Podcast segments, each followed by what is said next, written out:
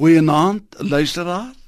Om te wen of te verloor is deel van die lewe. Dis lekker om te wen, maar nooit lekker om te verloor nie. Tog is dit waar dat ons nie altyd net kan wen nie. Die lewe het soms 'n verloorkant ook.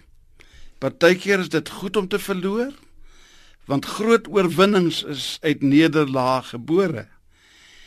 Dis 'n bekende feit dat die naloper Wessel Oosthuizen se heel beste tyd wat ook 'n Afrika rekord was, gebore is uit 'n neerlaag teen Zekile en Zemande op die Pillage Stadion in Pretoria.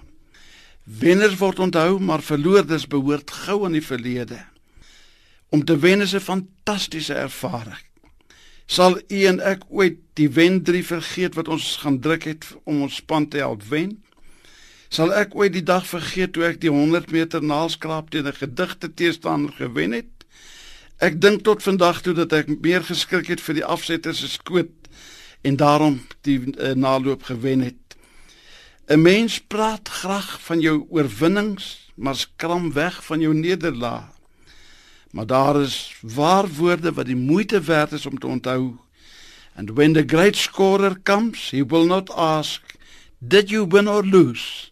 But how you played the game. As ons wen, moet ons dankbaar wees. As ons verloor, moet ons dit stylvol doen. Wees 'n goeie wenner, maar as dit jou nie beskore was om te wen nie, wees 'n goeie en 'n waardige verloorder.